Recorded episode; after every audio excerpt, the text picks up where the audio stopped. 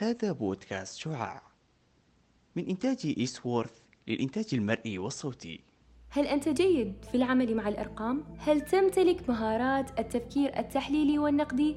هل باستطاعتك أن تضع في الاعتبار الكثير من التفاصيل والتفكير بها ككتلة واحدة في آن واحد؟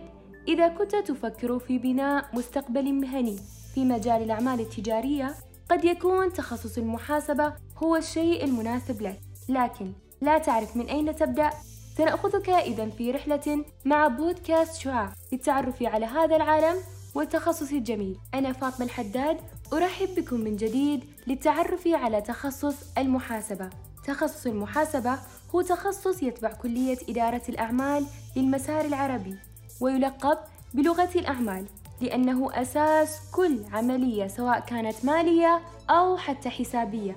يعنى بضبط الحسابات وتدقيقها كما أنه عملية رصد وتسجيل معاملات المنشأة التجارية خلال فترة زمنية محددة من مدخلاتها ومخرجاتها ويبين التدفقات النقدية لها. في البداية راح نعرف شروط القبول للجنسين في تخصص المحاسبة. واحد أن يكون الطالب خريج للمسار العلمي. اثنين حصول الطالب على نسبة موزونة 75% فاعلة للدخول في المفاضلة. أما بالنسبة لنسب القبول للجنسين فالجامعة لا تقوم بإعلان النسب لكن باجتهاد وحصر الطلاب للنسب كانت أقل النسب كالتالي. بالنسبة للطالبات كانت 86% فاصلة 48 أما الطلاب فكانت 78% فاصلة واحد. في حال قبولك في التخصص راح تكون عدد سنوات الدراسة هي أربع سنوات.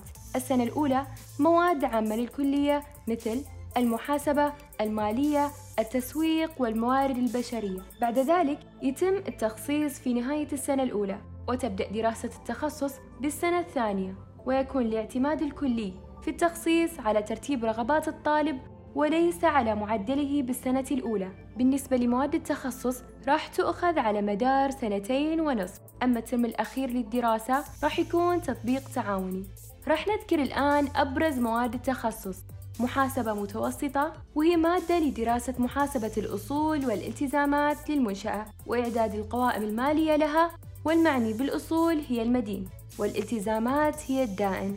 محاسبة تكاليف وهي مادة لدراسة قوائم الدخل للشركة وحسابات التكاليف من أجور ومواد ومصروفات. مراجعة وهي مادة نظرية لصنع المراجع للفحص الشامل للسجلات أو الحسابات.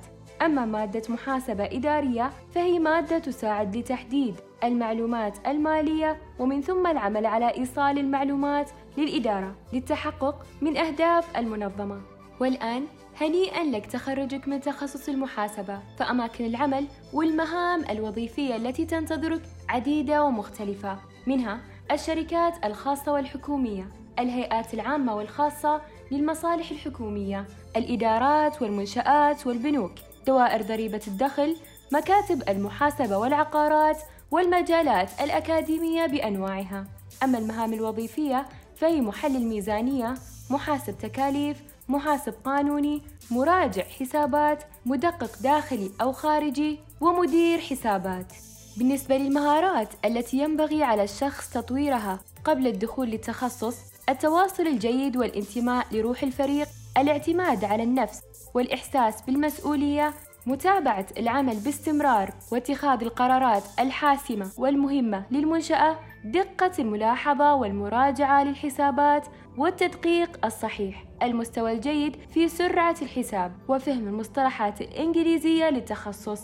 ختاما لحلقتنا لليوم. حابين نقدم لك نصيحة. في هذا التخصص تحلى بالصبر والهدوء فهما ميزة في كل الأعمال ولكنها ضرورة في مهنة المحاسبة. فالتعامل مع الأرقام والقيام بمهام المحاسبة ليس بالأمر السريع أو السهل بل يحتاج صبرا وهدوءا. وأنت قادر على التألق والوصول لأن بداخلك إنسان ملهم. كانت معكم فاطمة الحداد من بودكاست شعاع